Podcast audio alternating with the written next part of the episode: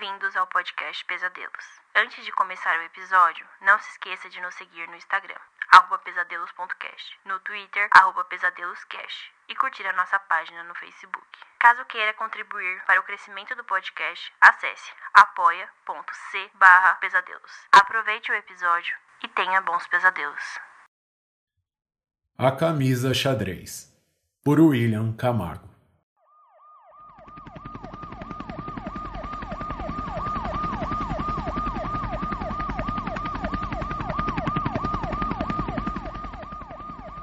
Se afasta, caralho, vai, eu vou matar ela. Eu não tô brincando, porra, eu vou matar ela, vai, se afasta.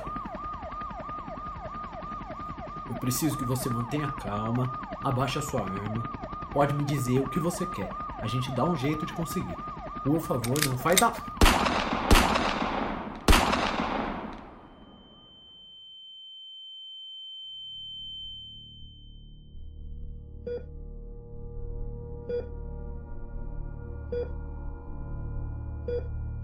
Foram três balas, uma no pulmão, uma no ombro e outra na mandíbula. Foi colocada uma placa de metal de 10 centímetros no meu maxilar. Eu fiquei 15 dias em coma, mas não foi dessa vez. Ainda bem, mas eu prometi para mim mesmo que seria a última. Larguei a corporação e abri uma empresa de seguros de carro com meu sogro. Eu tentei fugir, mas eu não consegui. Eu sonhava com casos, eu via até fotos de crimes nos meus sonhos. Algumas pessoas, por mais estranho que pareça, nasceram para andar lado a lado com a morte. E infelizmente eu sou uma delas. E um dia eu recebi uma ligação.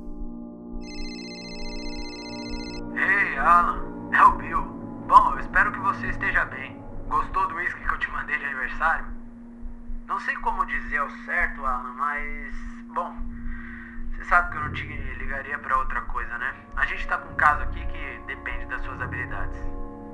A gente consegue uma recompensa para você, sei lá, a gente vê alguma coisa.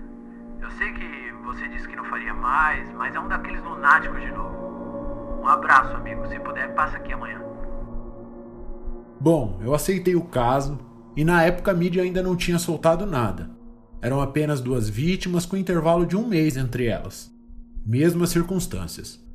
Eu fui até o departamento e confesso que sentia saudade daquele ambiente. Por mais mórbido que parecesse, eu gostava daquilo. Me fazia sentir vivo. Entrei na sala do Bill e ele me disse tudo. A primeira vítima, uma mulher de 32 anos, encontrada no terraço de um prédio abandonado no centro da cidade.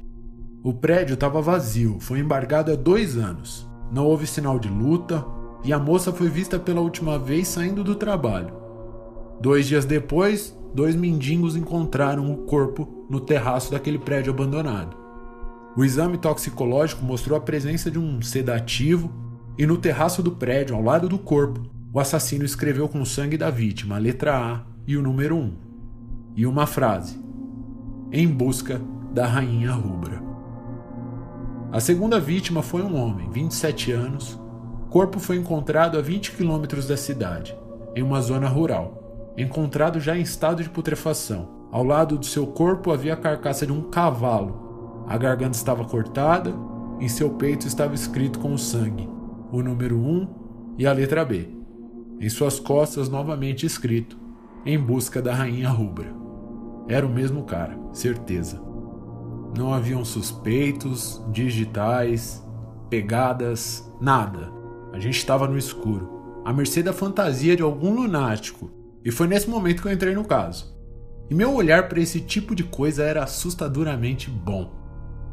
De cara eu já percebi que não existia um padrão no tipo das vítimas. E também não existia um caráter sexual na fantasia. Aqueles corpos faziam parte de algo maior. E os escritos deixados na cena do crime eram claramente para desafiar o departamento de polícia. O assassino provavelmente era inteligente e bem cuidadoso. Agora precisávamos entender o que ele queria dizer com aqueles escritos. Levei os documentos para casa e passei noites em claro, quase três noites diretas acordado estudando o caso. Até que eu fiquei exausto e dormi. Quando se dorme tão exausto, é difícil saber exatamente quando pegou no sono, mas me lembro de estar debruçado sobre as fotos e documentos do caso na mesa do meu escritório. Até que meu celular tocou e eu tomei um baita susto. Havia uma xícara de café frio sobre a mesa e eu derrubei o café em cima da minha camisa xadrez novinha. Havia ganhado em meu último aniversário. Corri pro banheiro para limpar e quando eu olhei no espelho, foi quase como um tiro. Eu vi a camisa xadrez e me veio tudo na cabeça. Rainha rubra, um A, um B. Corri para as informações do caso e tudo fez sentido. O assassino estava montando um tabuleiro de xadrez. Um A e um B são coordenadas do tabuleiro. Um A é a posição inicial da torre, um B é a posição inicial do cavalo, o corpo da moça no topo de um prédio e o do homem ao lado da carcaça de um cavalo. O próximo só poderia ser um C, o bispo. E isso simplifica bastante as coisas. No tabuleiro de xadrez vem a torre, o cavalo, o bispo e a rainha. Provavelmente a rainha rubra significa isso. Na cidade só tinha uma igreja. Com certeza seria ali que ocorreria. Eu informei o departamento, montamos um esquema e em volta da catedral tinham vários policiais. Eu tinha certeza que pegaríamos ele. Mas nada aconteceu. Durante uma semana e nada do maldito aparecer. Desfizemos a campana e eu realmente achei que tinha perdido o jeito. Que talvez não tivesse nada a ver com tabuleiro de xadrez, que fosse apenas uma pista falsa. Fazia tempo que eu não me sentia mal daquele jeito. Eu fui para casa ainda pensativo. E quando eu tava chegando, eu recebi uma ligação. Alan, a gente acabou de receber uma ligação da emergência. É um desaparecimento. E trata-se do antigo padre da igreja. Talvez pode ter alguma relação. Sei lá, ele pode já ter sido a próxima vítima. Eu dei meia volta com o carro e pensei: é claro que ele não atacaria a igreja, e sim na casa do padre. E o maldito foi ainda mais esperto, foi na casa do antigo padre. Devia ter pensado nisso. Fui na igreja e entrei pela porta dos fundos. Dei três ou quatro passos e vi o padre amarrado e amordaçado. Foi quando eu senti o cano gelado da arma no meu rosto. Ele estava esperando. Quando eu fui tentar virar, ele puxou o gatilho. Lembro de perder a consciência por cinco segundos. Ainda no chão, saquei meu 38 e alvejei o filho da puta com cinco tiros nas costas.